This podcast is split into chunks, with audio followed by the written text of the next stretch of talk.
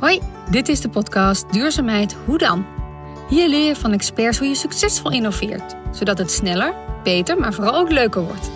Mijn naam is Jetske Thiele. Als spreker, trainer en sociaal ingenieur help ik al meer dan 15 jaar ambitieuze professionals met het versnellen van duurzaamheid in een organisatie en met hun samenwerkingspartners. Wat heb je nodig? Waar moet je rekening mee houden? En hoe doe je dat?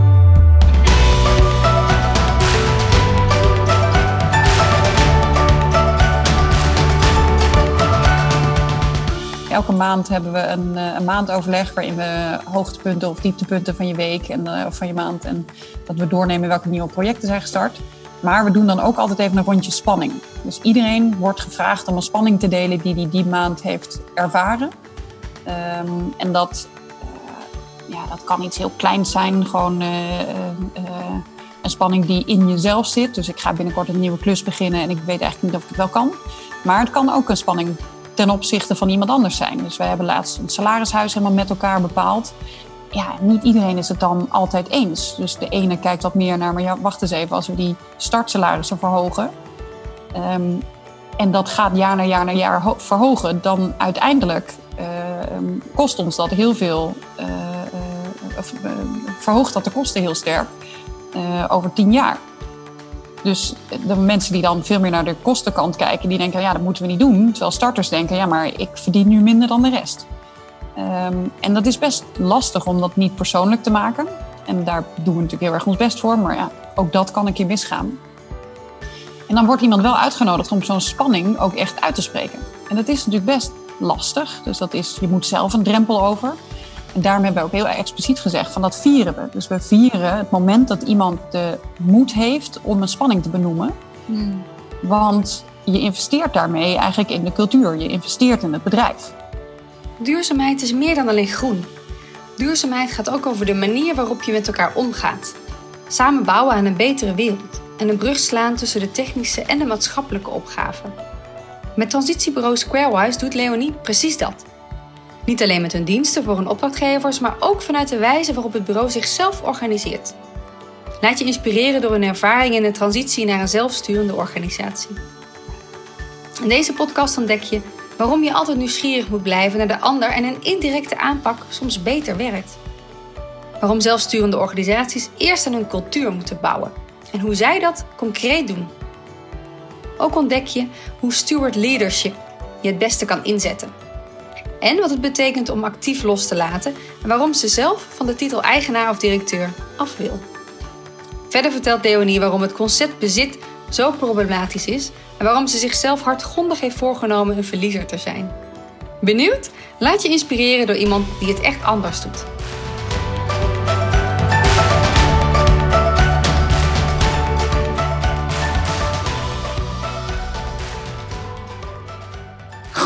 Uh, Leonie, wat fijn om elkaar te spreken met je ontzettend mooie achtergrond. Uh, voor degenen die het niet zien, uh, allemaal groen op de achtergrond. Hoe, ja, onze plantenwand, onze grote trots. Ja, ja, werkt het meteen ook fijner of niet, zo'n plantenwand? Ja, maar ook, ook, al omdat het gewoon als je binnenkomt lopen, dat je direct even, dat je, want ik zit nu op kantoor, wat best vermeldenswaardig is in lockdown tijd. Uh, maar dat je binnenkomt, dat je niet direct met je hoofd in uh, wat er allemaal moet, maar ook gewoon weer even met je hoofd in de natuur. Dus uh, op het schermpje lijkt het nu vrij letterlijk, maar ja, je, je wordt gewoon toch wel weer steeds even teruggeworpen op, oh ja, wat is echt belangrijk? Gewoon groeien, gewoon groen, gewoon gezond. Mooi, mooi, dankjewel Leonie. Ja, misschien is dat eigenlijk gewoon een primaire vraag inderdaad, wat voor jou duurzaamheid is, want jij bent er al heel lang mee bezig. En het is een ingewikkelde definitie uh, soms om uh, kort en mondig te maken. Maar wat is voor jou duurzaamheid en hoe ga je daar uh, thuis mee, ehm, mee om? Ja, leuke vraag. Um, want het is voor mij ook best wel veranderd. Dus ik weet dat ik een paar jaar geleden werd ik geïnterviewd door Stroomversnelling, een partij waar we ook wel vaak voor werken. En toen vroegen ze mij, wat drijft jou in duurzaamheid? Toen zei ik, ja, eigenlijk had ik niet zoveel met duurzaamheid. Ik zag, ik, ben een, ik heb een technische opleiding. En ik zag uh, de wereld altijd als een prototype. Dus we hebben één keer iets geprobeerd ervan te maken. Maar dat houdt niet in dat we het moeten accepteren zoals het nu is. Het kan altijd leuker, het kan altijd beter, het kan altijd mooier. En duurzaamheid is dat voor mij ook. Dus continu blijven nadenken over hoe wordt het beter. En ik, werd een tijdje geleden op straat aangesproken door iemand die uh, mij lid wilde maken van Van de Bron. Nou, dat was ik al, dus die begon met de openingszin: uh, Goh, mevrouw, hoe duurzaam schat u zichzelf in? Ik zei, nou, ik denk wel dat ik richting de tien ga. En vervolgens somde ik inderdaad op ja, ik woon aardgasvrij en ik rij elektrisch en ik eet de helft van de, van de week vegetarisch en de helft van de week vegan. Toen dacht ik, voor mij is dat toch eigenlijk niet alleen maar duurzaam. Dus voor mij gaat het er ook om dat je juist rekening houdt met de mensen om je heen. Dus dat het veel meer ook dat sociale gevoel van je bent niet alleen maar bezig met jezelf, maar je bent bezig met uh, nou ja, de, aarde die wij te leen hebben en, en ook gewoon het blij maken van de mensen om je heen, want dat maakt uiteindelijk dat je het allemaal met elkaar volhoudt. Mooi. Dus mooi. voor mij is duurzaamheid best heel breed. Juist, ja, je benoemt ook heel mooi het niet statische. Het is niet van als je, als je dit als duurzaam doet, dan ben je klaar, zeg maar. Uh, maar dat daar nee, ook beweging in is, uh, letterlijk. Net, zoals het ecosysteem uh, achter Zeker, ja, precies. Groei en ontwikkeling en er ontstaan ook steeds nieuwe dingen. Dus voor mij is het ook iets heel vrolijks. Gelukkig. Dus dat consuminderen, dat heb ik helemaal niet. Het is gewoon continu op zoek naar hoe kan het dan slimmer? Of hoe kan het dan leuker? Of hoe kan ik dingen combineren? Ja, Mooi, mooi. Ja, toevallig herinner ik me nu in één keer dat wij uh, alle twee een keer uh, een Indiaan in onze kast hebben gehad. Was dat ook een deel van, jou, van jouw reis? Oh, wat leuk. Ja, heel leuk. Nee, vond ik een waanzinnig leuk mens. Dus Chiara, die kijkt inderdaad met je in je kast en die kijkt dan wat er, wat er bij jou past. En hoe je nieuwe combinaties kan maken, zodat je niet zoveel hoeft bij te kopen. En nou ben ik op zich iemand, ik had haar uitgenodigd toen ik echt helemaal weer hersteld was van twee zwangerschappen. ik dacht van nou, als ik nieuwe kleren ga kopen, laat ik dan verstandige dingen kiezen. Dus er is toen ook heel veel uit mijn kast gegaan. Maar ik ben net van plan om voor mijn volgende verjaardag een keer met haar een tweedehands shoppingronde te gaan doen hier in Amsterdam. Om inderdaad weer eens nieuwe dingen te kopen die niet nieuw zijn, maar wel nou, heel leuk combineren met de dingen die je al hebt. Ja, Mooi, dat, dat, je dat nou, het, het, koesteren, het koesteren van jezelf en het vieren van het leven. En uh, letterlijk shoppen in je eigen kast. Uh, ja, mm -hmm. heel, uh, heel leuk en heel bijzonder. Daardoor kan duurzaamheid ook leuk zijn. In plaats van alsof het een beperking zou zijn. Maar dat is ja, zeker. Ja. ja. Nou, waarom ik jou onder andere ook heb gevraagd of wij elkaar in gesprek zijn gegaan, is ook heel erg van het feit dat jullie als bedrijf vanuit Scarewise heel actief bezig zijn om daar als bedrijf ook naar te kijken. Niet alleen per se vanuit de projecten, uh, maar ook als organisatie hoe je dat doet. En heel inspirerend vind ik dat. En, en het, dus dat je niet alleen maar als vanuit je burgerschap of vanuit de overheid, maar juist als bedrijf ook een concrete invulling kan geven in de ideale wereld. Zou je daar iets over kunnen vertellen, hoe jullie dat aanpakken? Ja. Um ja, het is eigenlijk langzamerhand gegroeid. De Squarespace bestaat al heel lang uh, en is begonnen als een bedrijf dat om innovatie ging en over kennismanagement eigenlijk. En we merkten toen wel dat de jonge mensen die we altijd aantrokken heel erg van duurzaamheid waren, terwijl het toenmalige management veel meer een strategiebureau wilde zijn. En dat gaf op een gegeven moment wel een spanning. En toen heeft uh, Marcel, mijn huidige compagnon, er op een gegeven moment voor gekozen om echt die duurzame route in te slaan. Uh, en toen ben ik met hem ben ik toen ook compagnon geworden. En toen hebben we ook besloten om het bedrijf in te richten volgens de gedachten van Ricardo Sembler. Uh, dus die, dat is een Braziliaanse ondernemer en die, ik vond toen één zinnetje in zijn boek heel grappig, dat hij zei, we geven eigenlijk onze kinderen meer vrijheid dan ons personeel. En hij werkt echt in een fabriek, dus hij zegt, ja, wij, wij schrijven voor wat ze aan moeten, we schrijven voor wat ze moeten doen, we schrijven voor wanneer ze binnen moeten komen. Uh, en we, we missen daardoor eigenlijk een heel stuk van, uh, uh, van de mens, die, die ook mee zou kunnen denken en mee zou kunnen werken. dus wij zijn toen ook vrij radicaal gaan nadenken over wat kunnen we allemaal loslaten. Dus bijvoorbeeld ook het salarishuis. We hebben toen direct de regel gehad, iedereen bepaalt zelf wat hij, wat hij verdient. we bepalen samen wat voor projecten we willen doen. als ze maar duurzaam zijn, als ze maar passen bij onze, onze visie. Um, en daar zijn we eigenlijk langzamerhand vanuit ontwikkeld. Dus we zijn gewoon uh, gaan bouwen met uh, de gedachte: wat kunnen we allemaal zoveel mogelijk loslaten en wie worden we dan? En inderdaad, hoe zouden we de wereld willen laten zijn? En dat is een wereld zonder hiërarchie. En dat is een wereld waarin je niet anders hoeft te zijn thuis dan op kantoor. En waarin je altijd je mening mag geven, ook als je nog maar twee dagen binnen bent. dus dat is eigenlijk de cultuur die bij ons langzamerhand is ontstaan. En toen merkte je op een gegeven moment ook al dat mensen dachten van ja, maar als wij dat toch zijn, waarom zeggen we dat dan niet aan onze opdrachtgevers? Dus moeten we dan ook niet een sociale onderneming worden? Dus toen hebben we met het bedrijf besloten van nou laten we dan ons in, registreren voor de Code voor Sociale Ondernemingen. Dus dat is nu bijna twee jaar geleden dat we die hebben afgerond. En dan moet je dus ook een theory of change heet dat. Dus je moet opschrijven uh, wat is dan je missie en, en hoe wil je die dan bereiken? Welke acties ga je nemen om die te bereiken? Dus dat maakt het ook allemaal veel concreter uh, wat je als bedrijf dan gaat doen. Ja. Um, en langzamerhand merkten wij ook dat Marcel en ik hebben wel echt de overtuiging dat eigendom een van de problemen is in de wereld. Dus dat ongelijkheid ook een reden is waarom het niet goed gaat in de wereld. Um, en dus hebben we gezegd, ja, dan is het eigenlijk best wel gek als wij al die aandelen hebben. Hm. Want al het, alles wat van waarde ontstaat in dit bedrijf, komt niet door ons als oorspronkelijke ondernemers. Maar komt net zo goed door het personeel, komt net zo goed door de klanten, komt net zo goed door de leveranciers en door de natuur. Zonder al die elementen kun je niet maken wat wij maken. Dus het is gek dat wij dan de beloning horen te krijgen. Ja, kan, je dat, kan je daar nog iets op ingaan? Van dat eigendom, waarom dat een probleem is? Kan je daar een voorbeeldje van, uh, van geven? Um, ja, dan ga ik wel direct vrij grote dingen pakken. Maar wat ik heel gek vind, is dat je um, iets wat je hebt opgebouwd, een waarde, dat je dat kan doorgeven aan volgende generaties bijvoorbeeld. Mm um, nou, ik werk nu bijvoorbeeld met Damaris Matthijssen, die uh, heel erg nadenkt over grondeigendom. Uh, en die zegt ook, op het moment dat de grond van iemand is, dan ga je er een hele gekke verhouding toe krijgen. Terwijl zij zegt, als de grond nou van niemand is of van iedereen, dan is alles wat je er aan arbeid aan toevoegt of wat je er aan, überhaupt aan toevoegt, dat zou direct jouw rendement moeten zijn. Dat zou hetgene moeten zijn wat jij terugkrijgt. Uh, maar niet het feit dat je het bezit. Dus dingen als uh, uh, rente kunnen vragen of pacht kunnen vragen over een stuk grond, dat maakt dat die ongelijkheid steeds groter wordt. Dat als jij het wel hebt, dan kun je steeds meer geld blijven vragen. En als je het niet hebt, ja, dan moet je steeds meer inleveren. En die verschillen worden steeds groter. En op een gegeven moment gaan we dat natuurlijk niet meer accepteren. Hm. Dan gaan de mensen die het niet hebben, eh, klinkt misschien wat communistisch, maar je ziet het nu al dat, dat mensen uit Syrië naar ons toetrekken. En wij vinden dat dan economische vluchtelingen. Ja, ik vind dat halen waar je recht op hebt.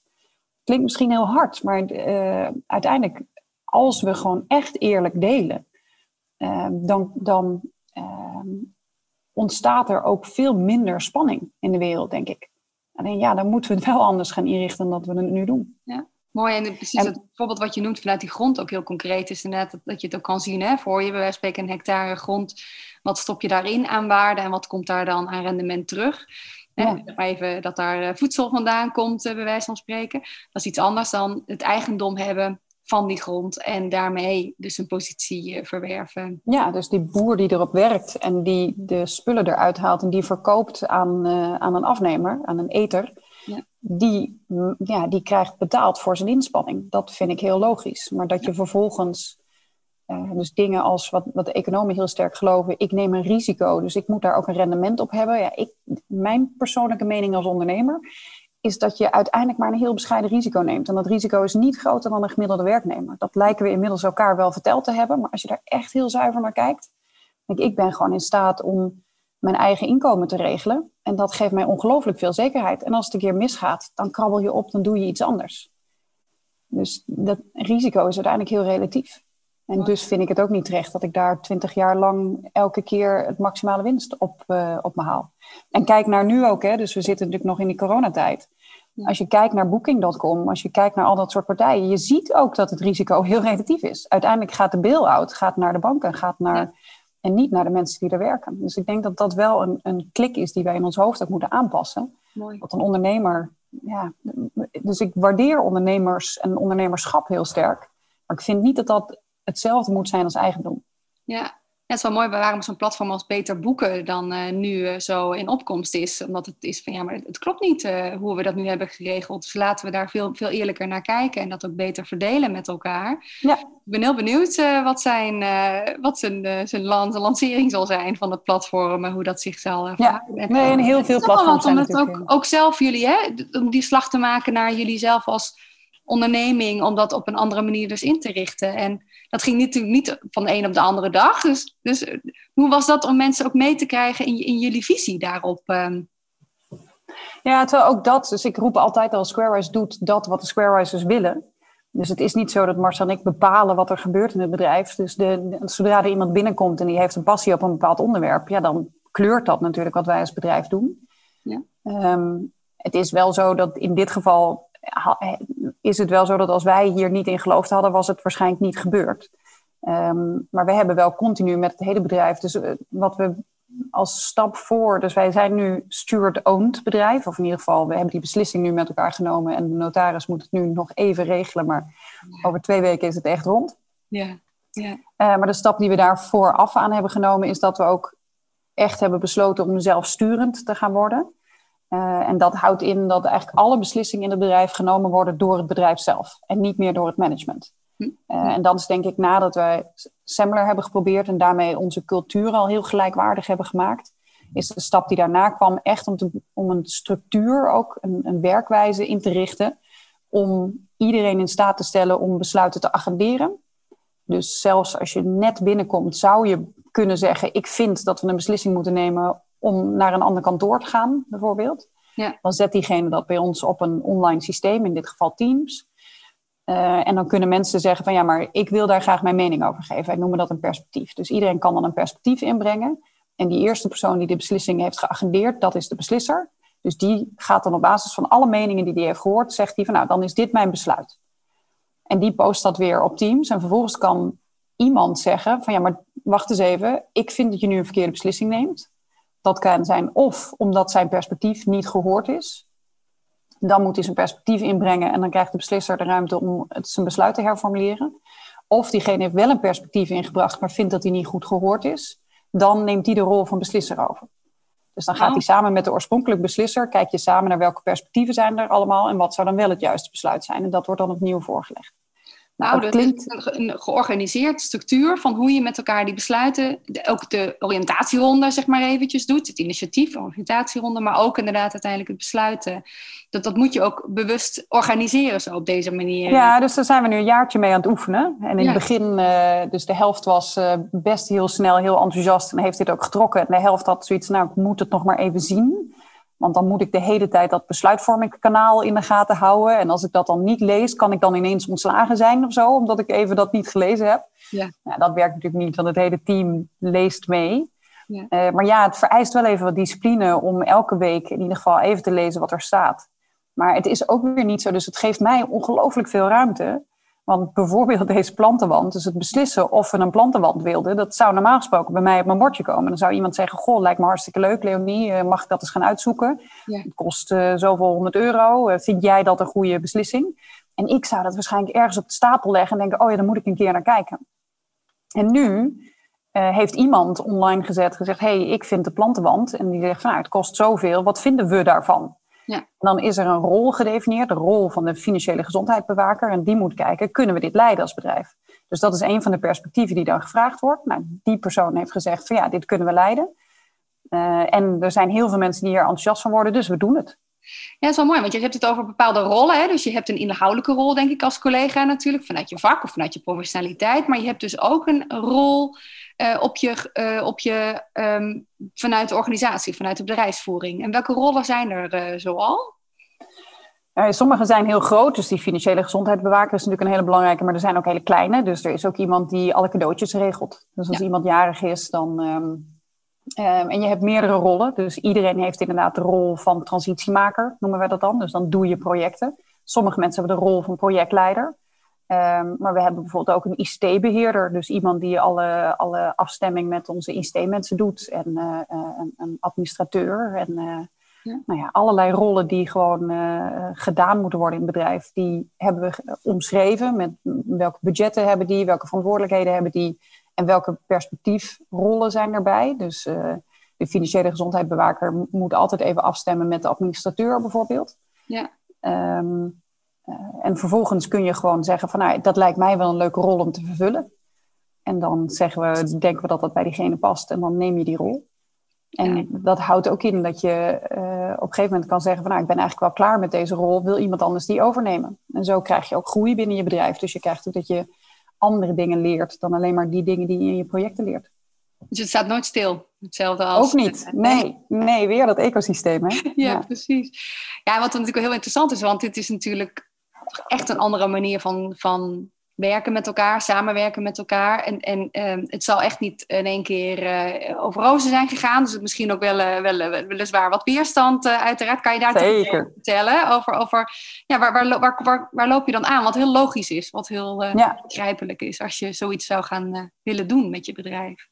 Ja, um, nou, het was voor ons ook wel echt oefenen. En overigens zijn er best een aantal bedrijven ons voorgegaan. Dus buurtzorg is een hele bekende die ook op deze manier werkt. Ja. Uh, want de gedachte is eigenlijk dat als je processen heel voorspelbaar zijn, dan is een hiërarchische structuur heel logisch. Dus zoals in een boerenbedrijf waarbij je gewoon weet wanneer je moet oogsten en wanneer je moet zaaien, dan kun je dat heel slim organiseren.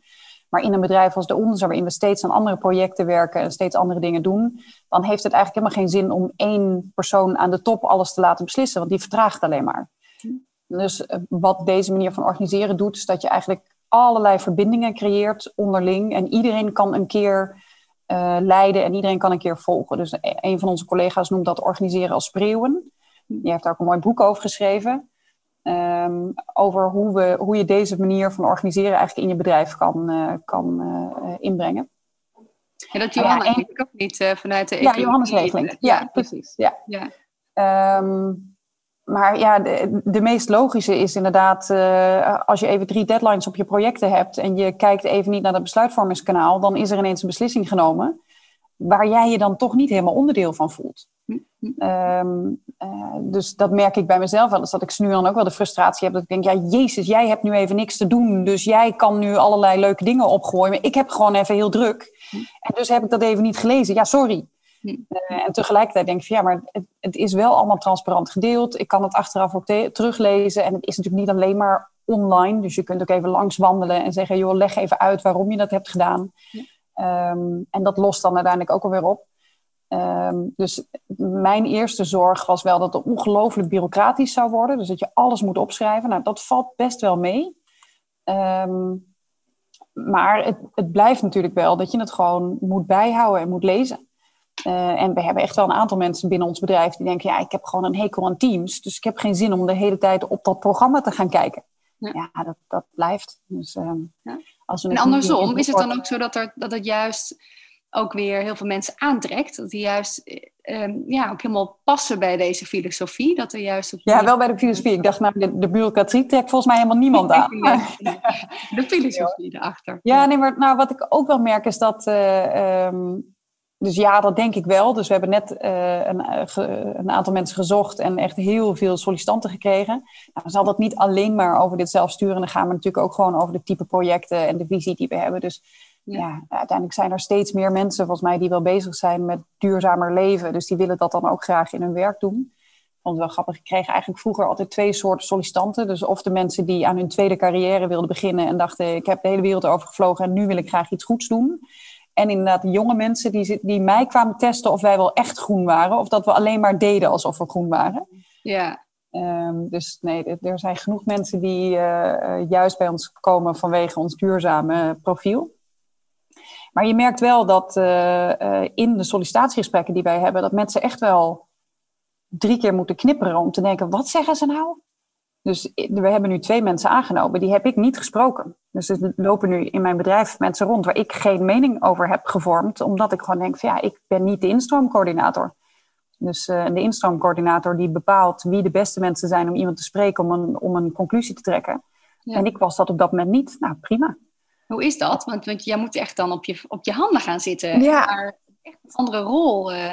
Ja, nee, het, het, gaat twee kanten op. Dus je moet inderdaad heel veel loslaten. Um, dus dat is wel heel spannend.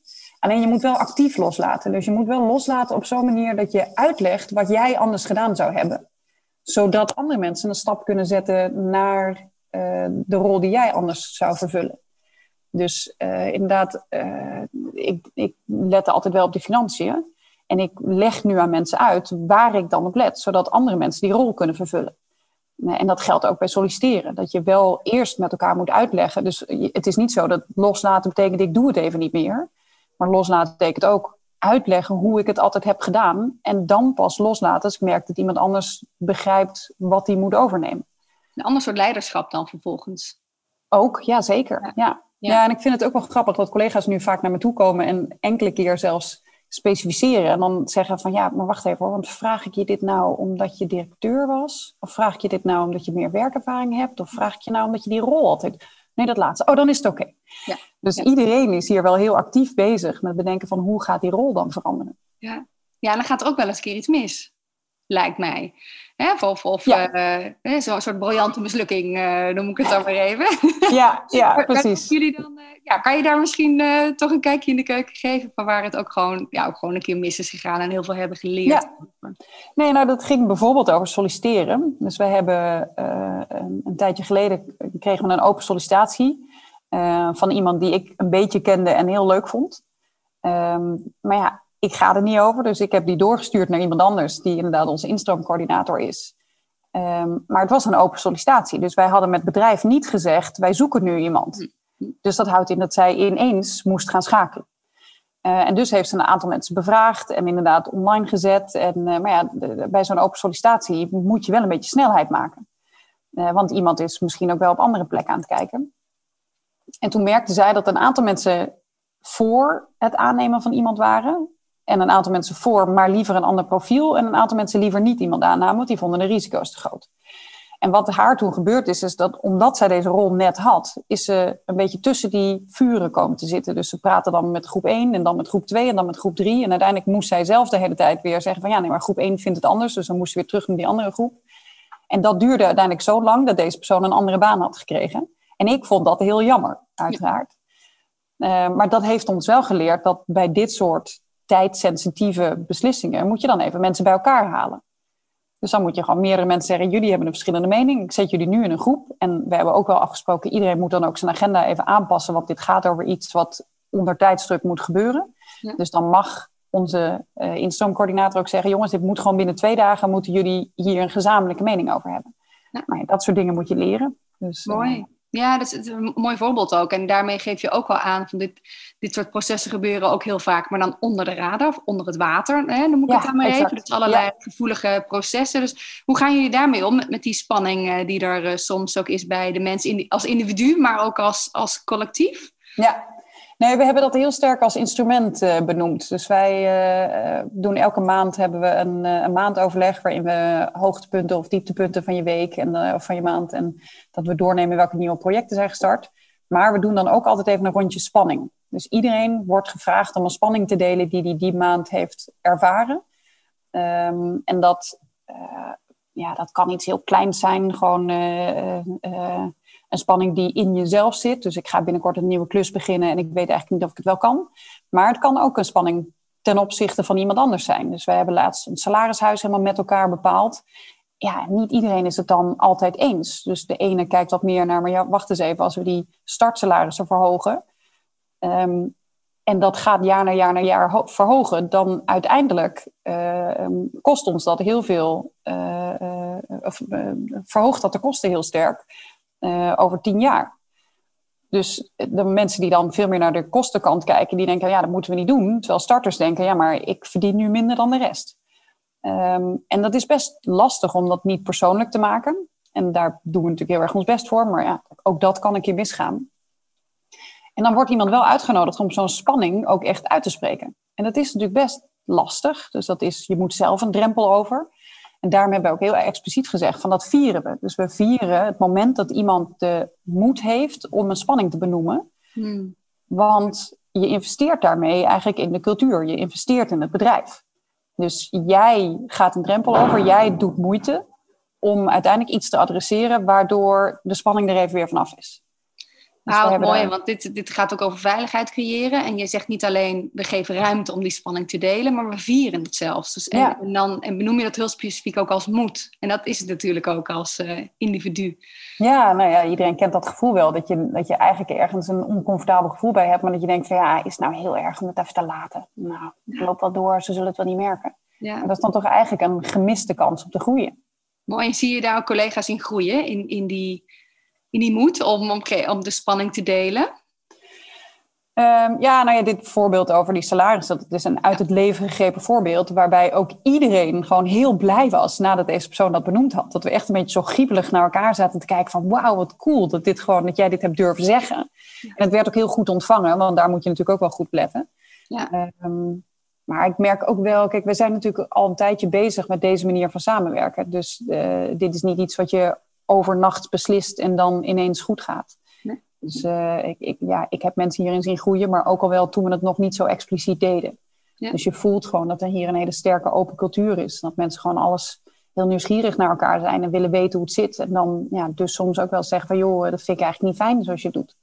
Dus het is uiteindelijk ook gewoon elkaars uh, gebruiksaanwijzingen een beetje leren kennen. Maar dus het heeft ook wel tijd nodig, hè? Want je kan, uh, je hoort nu wel steeds vaker het woord, oh, dan gaan we met z'n allen zelforganiserend uh, aan de gang. Uh, dat, nou, dat gooien we over de schutting en succes ermee. Maar ik hoor je ook wel heel duidelijk zeggen, nou nee, bouw eerst aan dat stukje cultuur en, en ga eerst dat, dat proces in om het met elkaar ook te kunnen gaan doen. Ja, dat heeft het bij ons in ieder geval wel veel makkelijker gemaakt. Dus dat maakt ook dat iedereen er eigenaarschap over heeft. Dus iedereen doet een stapje. Dus ik zit bijvoorbeeld ook niet in het organisatie, het cultuurorganisatieclubje. Uh, er zijn gewoon drie mensen die dit heel leuk vinden om dit te doen. Dus die, die zetten steeds stapjes en die evalueren het. En die, uh, ja. Heb je daar nog tips? Want we gaan toch met we zijn al met z'n allen veel meer online aan het werken, maar dat zal in de toekomst uh, toch waarschijnlijk nog wel van een groot deel blijven. Heb je daar uh, wat tips in geleerd van hoe je dat ook online kan doen? Specifiek deze besluitvorming? Ja, of, of ook een beetje die.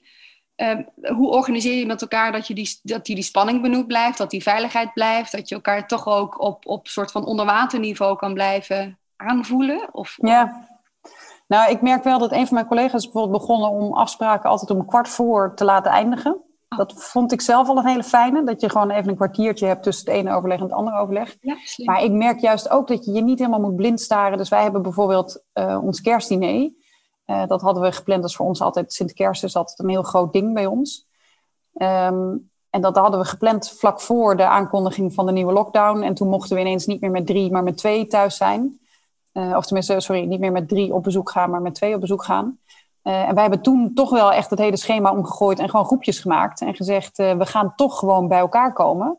Maar dan in allemaal groepjes van drie bij elkaar thuis. En dan online bij elkaar meekijken. En dan hadden we ook een soort online game gemaakt. Waarbij je dan steeds even een uurtje lekker gewoon offline aan tafel zat. En dan weer even een, een soort escape game met elkaar deed.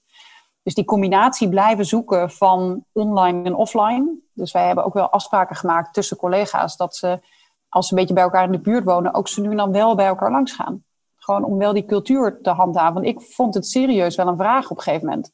Dat als je elkaar alleen nog maar online ziet, ben je dan echt nog een bedrijf? Wat is dan nog wat je groep bindt? En het blijft toch ze nu aan elkaar zien en ze nu aan elkaar opzoeken. Dat, um, dat is voor ons wel echt belangrijk. Ja, Mooi. En, um, en wat zijn wat jou betreft dat steward leadership, hè, waar we het dan eigenlijk over hebben? Wat, wat zijn wat ja, je noemt al buurtzorg, maar zijn er nog meer van dat soort organisaties waarvan jij zegt van hé, hey, dat is toch heel inspirerend om, om daarnaar te kijken als je hiermee aan de gang zou willen gaan?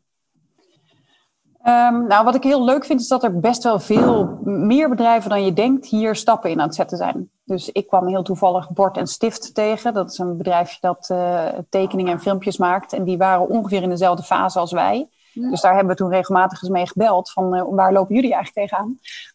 en op een aantal fronten waren wij verder en op een aantal fronten waren zij verder. Ja. Uh, en dat hielp ons wel heel sterk om stappen te blijven zetten. Dus wat zij bijvoorbeeld heel grappig hebben gedaan is, er moet uiteindelijk een stichtingsbestuur komen. Dus wij gaan onze aandelen uh, overdragen aan een stichting. Uh, en de stichting uh, bestaat eigenlijk uit alle medewerkers van Squarewise. En drie van die medewerkers moeten de stichting worden. En die stichting heeft, de stichtingsbestuur heeft eigenlijk bij ons geen rol. Behalve dat het moet ingrijpen op het moment dat het echt misgaat met het bedrijf. Of misdreigt te gaan. Dan moeten zij dat in ieder geval agenderen. Hm. Verder hoeven ze niks te doen. Dus het is helemaal geen belangrijke rol.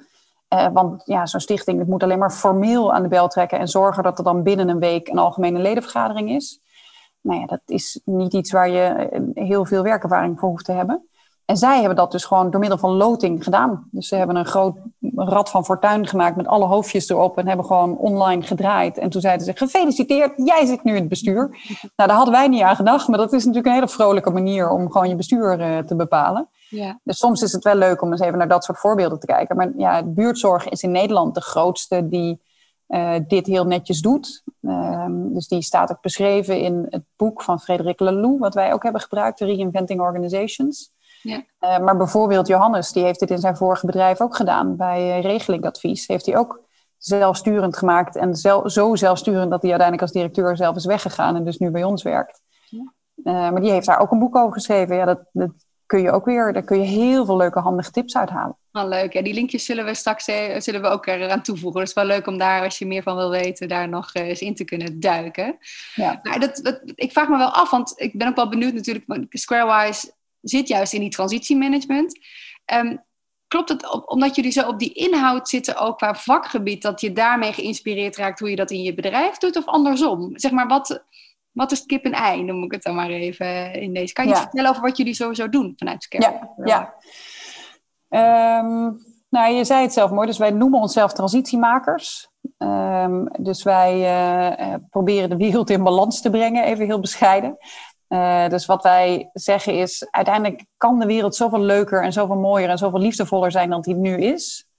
Um, uh, en laten we daaraan bijdragen. Dus wij creëren voorbeeldprojecten waarin we steeds obstakels proberen te doorbreken die duurzaamheid in de weg zitten. En duurzaamheid is dan voor ons zo breed mogelijk.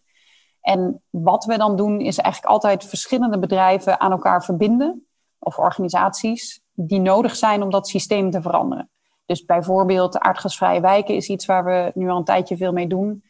Uh, dus toen wij daar in 2015 of zo voor het eerst rolden we daar per ongeluk in, omdat wij in een wijk zagen dat um, uh, er uh, ergens een gas, gasnetvervanging was. En op diezelfde plek moest de woningcorporatie heel veel woningen, achterstallig onderhoud inhalen. De gemeente had een vrij hoge duurzaamheidsambitie. En de bewoners die stonden een beetje op hun achterste benen van kom op, hier moet eens een keer wat gebeuren. Uh, en wij zetten dan die partijen bij elkaar en zeggen hoe brengen we hier nou één collectief belang in? En wat vraagt dat dan aan rolverandering van jou? En wat vraagt het aan rolverandering van jou? En wij begeleiden dat een tijdje, zodat zij wennen aan die nieuwe manier van werken. Dat ze ook het eens worden over een gezamenlijke doel. En dan laten wij het vaak weer los.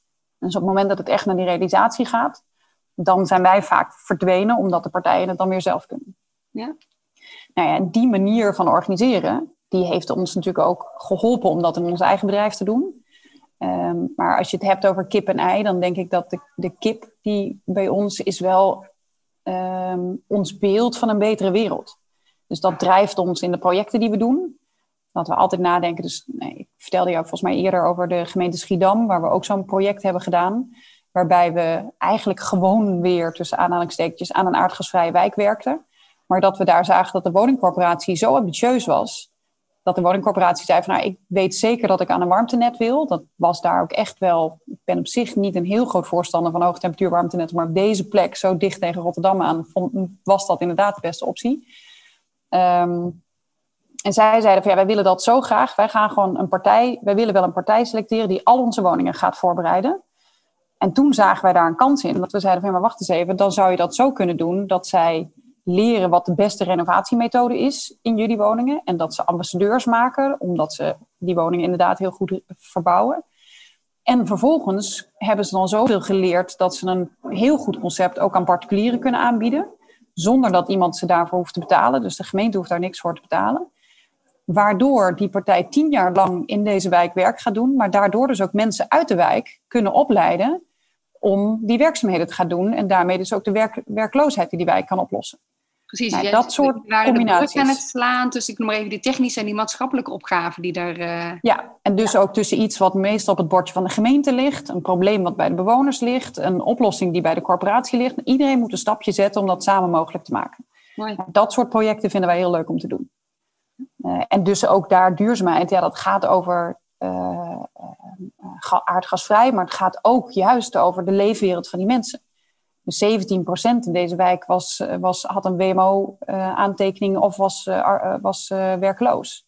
Ja, dat geeft gewoon zo'n stempel in zo'n wijk, dat als je daar een verschil in kan maken, dan gaat de rest ook nou ja, wel rollen, zou ik niet zeggen, maar makkelijker in ieder geval. Ja, ja mooi. Dat is echt een beetje de, de de fusie van belangen, zoals ze dat soms wel eens noemen, bij elkaar, bij elkaar brengen op dat, op dat vlak. En daarin helpt het dan dat je dan, ik noem maar even, een soort onafhankelijke derde bent. Dus dat je niet met een, met een agenda komt, met, met jouw belang zeg maar aankomt. Helpt het dan nee, maar dat is juist wat wij zeggen. Dus we hebben best vaak discussie van ja, procesbegeleider. Is dat nou wel waardevol? Uh, en best vaak pitchen we ergens en dan zeggen ze, nou weet je wat, we kunnen het wel zonder. En dan een jaar later of zo worden we gebeld en dan zeggen ze, mm, het is toch wel nodig. Dus je merkt inderdaad dat echt goed luisteren en nadenken over het belang wat erachter ligt. En ook je echt kunnen verplaatsen in zo'n partij. Uh, en inderdaad zelf geen belang hebben behalve het doel. Want dat zeggen we er wel vaak bij. We moeten onze opdrachtgevers soms ook wel waarschuwen. Van, ja, wij zijn hier niet primair voor het belang van één partij, maar we zijn hier voor het belang van de wereld en dus het verbinden van de belangen. Dat kan best zijn dat we jou nu dan ook gaan prikkelen van ja, je zult een stap anders moeten zetten dan je gewend bent, omdat we dit anders niet voor elkaar krijgen. Ja, ja. Ja, en, en, en horen ze dat dan ook? Zeg maar, uh, dat, uh, dat zal wellicht wat overredingskracht uh, met zich meebrengen. Heb je daarin wat dingen geleerd waarvan je merkt van... hé, hey, maar dat sluit dan aan? Of dat is iets waar men daardoor het belang ook snapt? Ja, nou wat ik wel heb geleerd is dat je soms ook de indirect approach. Dus je kunt wel heel lang tegen één persoon blijven praten, maar soms moet je ook nadenken over: ben jij niet de goede afzender, maar moet je het via via proberen te krijgen?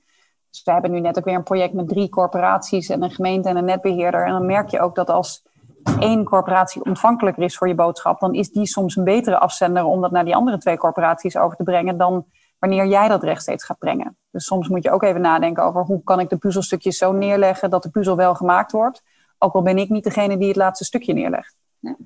Mooi. Een belangrijke rol die jullie spelen in de, in de hele transitie waar we in zitten. En vooral heel leuk. En vooral heel leuk, inderdaad. Had, je, had jij dit ooit voor jezelf zo bedacht toen jij als klein, klein meisje op de basisschool zat? ik word transitiemanager of uh, ik, word, uh, ik word ik wil zeggen directeur, maar dat is dan eigenlijk ook niet meer. Nee, nou, formeel nu nog wel. Maar ik heb mij al een jaar lang voorgesteld als aanstaand ex-directeur. Nee, dus ik word straks gewoon weer loondienster. Ja, dus Dat, uh, dat betekent ook best wel wat voor hoe ik mij moet voorstellen. Of, uh, ja. Hoe is dat, um, die verandering voor jezelf? Het is ook een, een, een transitie. Ja, nee, het zegt echt iets over je identiteit. Ik moet daar ook nog best wel aan wennen. Dus ik weet ook nog niet welk woord ik straks moet gaan gebruiken. Maar, ja. Dus ik voel mij nog steeds ondernemer. Ik voel mij nog steeds vrij om gewoon de beslissingen te nemen die ik wil. En feitelijk vind ik ook dat je... Dus wij, wij zijn ook nog steeds ondernemer, omdat je nog steeds maximale waarde probeert te creëren met de middelen die je ter beschikking staat. Alleen ik ben niet de enige ondernemer in dit bedrijf. Iedereen is ondernemer in dit bedrijf. Dat is een beetje het verschil. Dus misschien heb ik liever dat iedereen zich directeur gaat noemen. Maar ja, die titel is formeel straks alleen nog maar van het bestuur. Um, even kijken, ja, je vroeg vroeger. Ja, nee, ja, inderdaad. Ik werd geboren en toen dacht ik, ik wil graag transitie maken. Nee, dat is heel flauw. um, nee, maar ik merkte wel, zeker in mijn middelbare schooltijd, dat ik um, wel heel sterk door nou, principes, vind ik altijd een beetje een gek woord, want die zijn zo onbuigzaam en daar mm. geloof ik niet zo in. Maar dat ik wel, ik ben civiele techniek gaan studeren, ook wel echt vanuit de overtuiging: verbeter de wereld, begin bij jezelf. En er zitten te weinig vrouwen in de techniek, dus ik ga dat wel doen. Mm. En toen heb ik nog wel gekozen voor iets wat heel breed was. Dus ik dacht, ja, ik moet nog wel een beetje alle kanten op kunnen. En uiteindelijk heb ik dan, ik ben civiel ingenieur, maar binnen de civiele techniek heb ik dan wel ook juist weer de rol gekozen van um, spin in het web. Dus ik, toen ik uh, afstudeerde, was het rond de tijd van de bouwfraude. En ik ben toen inderdaad wel gaan nadenken over, ja, ik vind dat ook eigenlijk niet zo gek. Dus als je altijd aanbesteedt op de laagste prijs en alles eruit drukt, dan kan een, een, aannemer op een gegeven moment niet anders meer dan proberen via slinkse wegen het toch nog voor elkaar te krijgen. Ja, jij, verwonderde je ook al een beetje over het systeem zoals het de afgelopen jaren was ingericht. Uh. Ja, en met name de, de, de dynamiek tussen partijen. En dat is wat ik natuurlijk in mijn hele carrière ben blijven doen. Van hoe kan het dat die partij dat gedrag vertoont? Nou, dat is niet zo gek, want die lokt het uit. Ja. En dat is wat ik nu nog steeds doe. Ik probeer na te denken over als iemand dat bij mij doet, dan reageer ik zo. Dus dat zal hij ook wel gaan doen. Dus laat ik dan een andere prikkel geven. Ja. Dus, uh, dus, nou. Een soort antropologie eigenlijk. Dus op het, om gaan kijken naar hoe, hoe werken deze systemen? Uh, hè? Of, of, of wat, wat gebeurt er eigenlijk? Dat een beetje. Ja, nee, dus die nieuwsgierigheid, dat is echt bij mij uh, dat ik altijd denk van hoe werkt dat nou? En ook gewoon heel persoonlijk maken. Dus ik ben ook gewoon een mens, dus ik reageer net zoals ieder ander die tegenover mij zit. Dus het is uiteindelijk gewoon ook een puzzel van uh, hoe, hoe maken we het leuk? Dus, en ik maak ook nog steeds fouten. Dus in, in een project dat ik laatst heb gedaan, toen bleef ik maar duwen op, ja, maar we moeten hier toch de goede oplossing kunnen vinden, de goede oplossing vinden. En uiteindelijk lieten we het los. En toen hadden we, zagen we een heel ander doel. Dus in plaats van nu allerlei woningen aanpakken, konden we het doel veel groter maken, maar dan ook de tijdslijn wat langer maken. En toen ontstond er echt een soort zucht in dat team van hè, hè. En toen zei een van die mannen ook, ja, maar nu werk ik iets aan wat ik leuk vind. Ik dacht, oh ja, ik zat zo te duwen op, we moeten dat doel halen, we moeten dat doel halen. Dus ik heb ook wel weer geleerd dat als je merkt dat de lol eruit gaat, dan ben je niet op de goede doelen aan het sturen. Dus uiteindelijk moet het wel, dus mensen vinden het echt leuk om aan een, aan een oplossing te werken. Ja. Uh, dus geef ze dan ook de ruimte om die op, aan, voldoende ruimte om die oplossing te kunnen vinden. En hoe haal je dat naar boven? Die, die, die, waar, waar de fun zit, noem ik het dan maar even, of de intrinsieke motivatie. Heb je daar wat tips voor? Uh... Nou ja, ik denk eerder, dus um, uh, we hebben vroeger veel met Mathieu Wegman gewerkt en die zei altijd rond je veertigste bereik je het point of terminal seriousness. Dus dan ben je zo serieus en ik zit nu op die periode dat ik denk, oh ja shit, ik heb net mijn kinderen dicté gegeven omdat de scholen dicht zijn. En daarna moest ik hier snel heen rennen en straks moet ik weer honderd dingen doen. Dus wanneer wordt er eigenlijk nog gelachen? Ehm, maar toch diep van binnen denk ik dat iedereen dat wil. En is het veel meer het wegnemen van allerlei belemmeringen. Ehm, dus tijd creëren, uh, heel duidelijk maken welke ruimte er wel is. En dus nu en dan ook met de directeuren gaan praten en zeggen: joh, onder deze omstandigheden kunnen deze mensen gewoon geen vleugels krijgen. Dus je moet die ruimte dan ook creëren. Uh, en vervolgens loslaten. Dus volgens mij hoef je nooit iemand te motiveren of moet je nooit iemand stimuleren om het leuk te vinden, maar moet je juist zorgen dat dat wat, wat ervoor zorgt dat hij het niet leuk vindt, dat je dat weghaalt. Juist. Ja, de echte omstandigheden organiseren, dat, uh, dat ze daarin kunnen floreren. Ja. Ik, heb, ik, heb, ik heb van hem, uh, moet jij Weggeman, het woord meestribbelen uh, geleerd. Ja. dat, ja. dat is ook wel zo'n thema volgens mij waar je soms wel eens tegenaan loopt. ja. Oh ja, we, doen we, we zeggen wel ja, maar eigenlijk doen we nee. Ja. nee, dus daar ben ik ook wel echt heel gevoelig voor. Dat ik altijd denk van, oh wacht eens even, hier is iets aan de hand. Ja. Dus uh, nee, ik merkte in dat project ook dat mensen als een soort gijzelaar er het bij zaten van, ja, ik moet hier zijn. Ik denk, ja, dat klopt dan niet. Dus ik, ik, was aan iets heel gaafs bezig en de rest ineens niet meer. Ja. dan zit je de verkeerde wedstrijd te, te vechten. Ja, wat, wat heb jij zelf geleerd wat dat betreft als, nou, als, als vanuit je carrièrepad, maar ook als mens? Ehm, vol in die verandering waarin je jezelf soms hebt teruggehouden of andersom waarin, wanneer je vleugels kreeg. Kan je daar iets over vertellen? Um, nou, dat is overigens nog steeds iets waar ik mee worstel hoor. Dus ik vind, ik, iedereen heeft denk ik wel dat stemmetje in zijn achterhoofd. Dus wat was nou? Oh ja, ik las laatst de Gorgels voor mensen die kleine kinderen hebben. Ehm, en de hoofdpersoon in het boek die heeft dan de hele tijd een stemmetje in zijn hoofd die hem zegt: Oh, jij kan dit niet, dit gaat helemaal niks worden, jij kan niet dit grote plan bedenken. En soms heeft hij het stemmetje in zijn hoofd die er zegt: Oh, je hebt iets fantastisch bedacht en je gaat dit redden en je hebt goed geoefend en je kan dit. En die twee stemmetjes heb ik ook.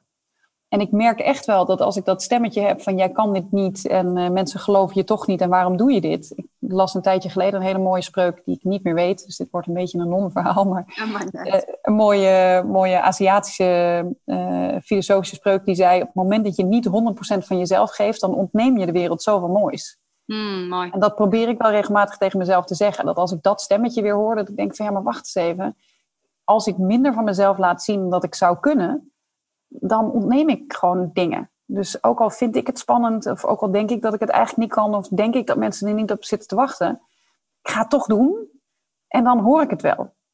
Ja. Dus ook Brene Brown bijvoorbeeld. die, met eh, angst, alsof het dan de, het ego is wat spreekt, zeg maar. Ja, tuurlijk. Ja. En maar het grappige is, het, ik weet ook niet eens echt of het angst is. Het is inmiddels ook een soort ingesleten veiligheid of zo. Um, dus vorig jaar was uh, ook bij de uh, oudejaarsconferentie. Uh, wie was het ook alweer? Nou, was het Claudia de Brij of niet? Ja, Claudia de Brij. Die inderdaad op een gegeven moment de verliezers ging vieren. Dat ze zei, en toen heb ik mij ook voorgenomen om gewoon weer hardgrondig een verliezer te zijn. Dus nu dan om gewoon weer echt fouten te maken. Want dan weet je ook dat je risico's neemt. En dan weet je ook dat je jezelf uitdaagt om weer nieuwe dingen te proberen. Dat, dat vind ik wel iets wat we elkaar allemaal mogen, mogen toewensen. Om, als je dat stemmetje hoort, om te denken van ja, maar wat gaat er nou eigenlijk mis als het misgaat? En wat gaat er eigenlijk mis als ik het niet doe? Dus wat jij, jij hebt natuurlijk bij Verdura dingen gedaan. Wij werken met de corporaties in Utrecht. Ja. En daar was ook op een gegeven moment een heel mooi voorbeeld van een corporatie die zei: ja, wij zijn als allereerste met zonnepanelen begonnen. Ehm, en die dingen hadden toen nog een potentie van niks. Dus nu hebben wij de slechtste zonnepanelen op ons dak liggen. Maar omdat we zoveel jaar eerder zijn begonnen, hebben we toch effectief meer opgebracht. Nou, mooi. En dat probeer ik nu die corporaties ook wel steeds voor te houden. Dat mensen zijn allemaal bezig om geen spijt te hebben achteraf. Zeker die corporaties. En wij proberen dat bij die, bij die Utrechtse corporatie zo te regelen dat één iemand een innovatie toepast in zijn bezit. En dan iemand anders kijkt van, hé, hey, is het gelukt? Dan ga ik het een keer herhalen.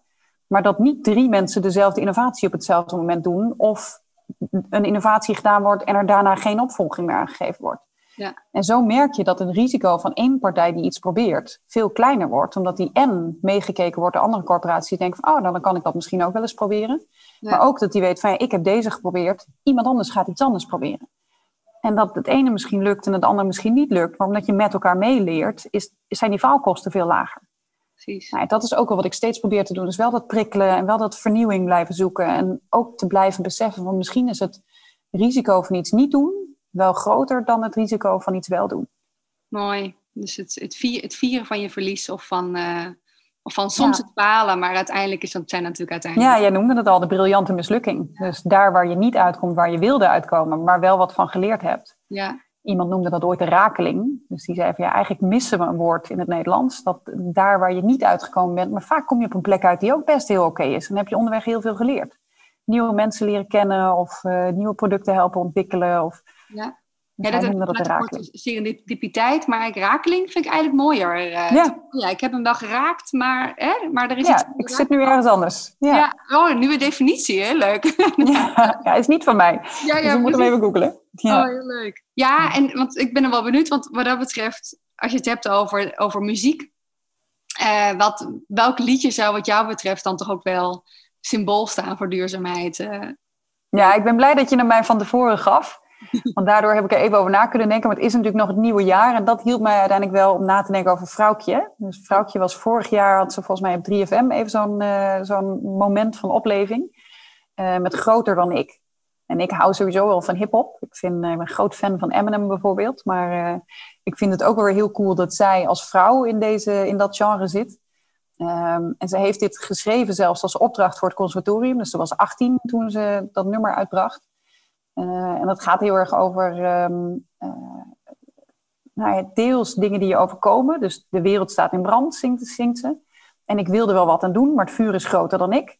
Dus in mijn eentje kan ik toch niks bereiken. Maar vervolgens zegt ze, ja, maar ik wil het toch wel. Want ik wil ook carrière en ik wil ook een tuin en ik wil ook dingen.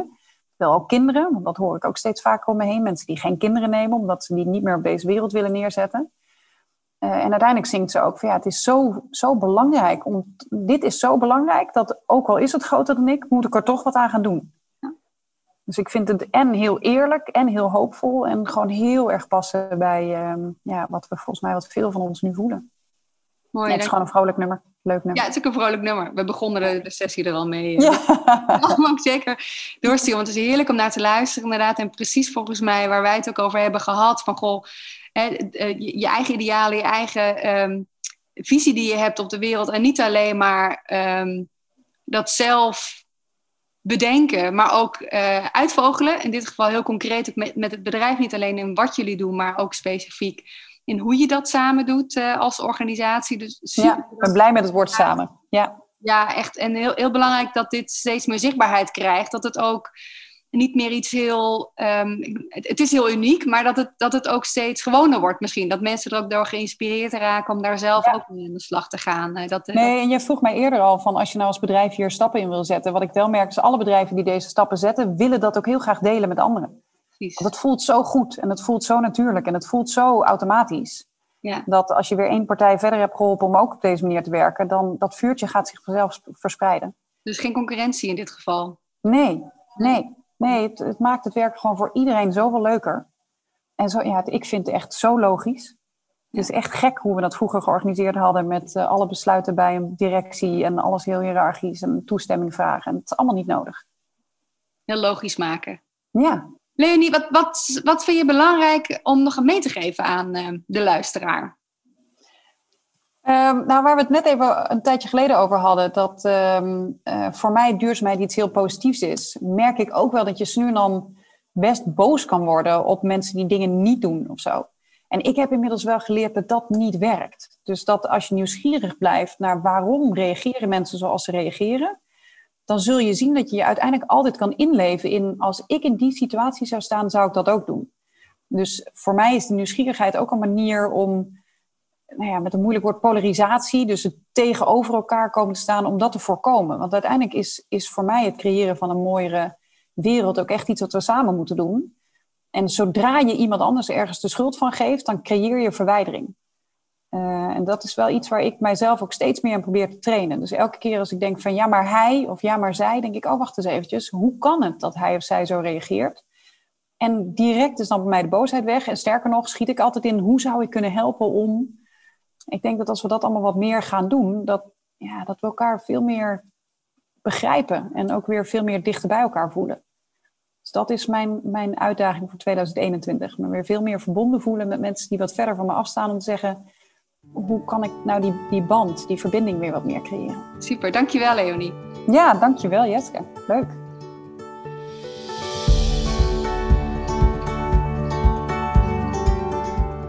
Je luisterde naar de podcast Duurzaamheid Hoe dan? Wil je meer weten over de transitie naar een sociale onderneming, lerende organisaties en tips van Leonie? Kijk dan vooral voor de show notes op www.jetsketiele.nl slash podcast. Ik ben heel benieuwd hoe jij naar dit gesprek kijkt, naar jouw samenwerking of de organisatiecultuur. Stuur het gerust door naar iemand die het zeker ook moet luisteren. Laat me vooral ook weten wat je eruit gehaald hebt. Hartstikke leuk. Abonneer je op deze podcast voor meer inspiratie en zodat je geen nieuwe afleveringen mist. Altijd leuk iets van je te horen, dus volg me op Instagram of LinkedIn en stuur me een bericht. Dankjewel voor het luisteren en leuk dat je erbij was. Veel ontdekplezier in jouw reis richting duurzaamheid. Graag tot de volgende.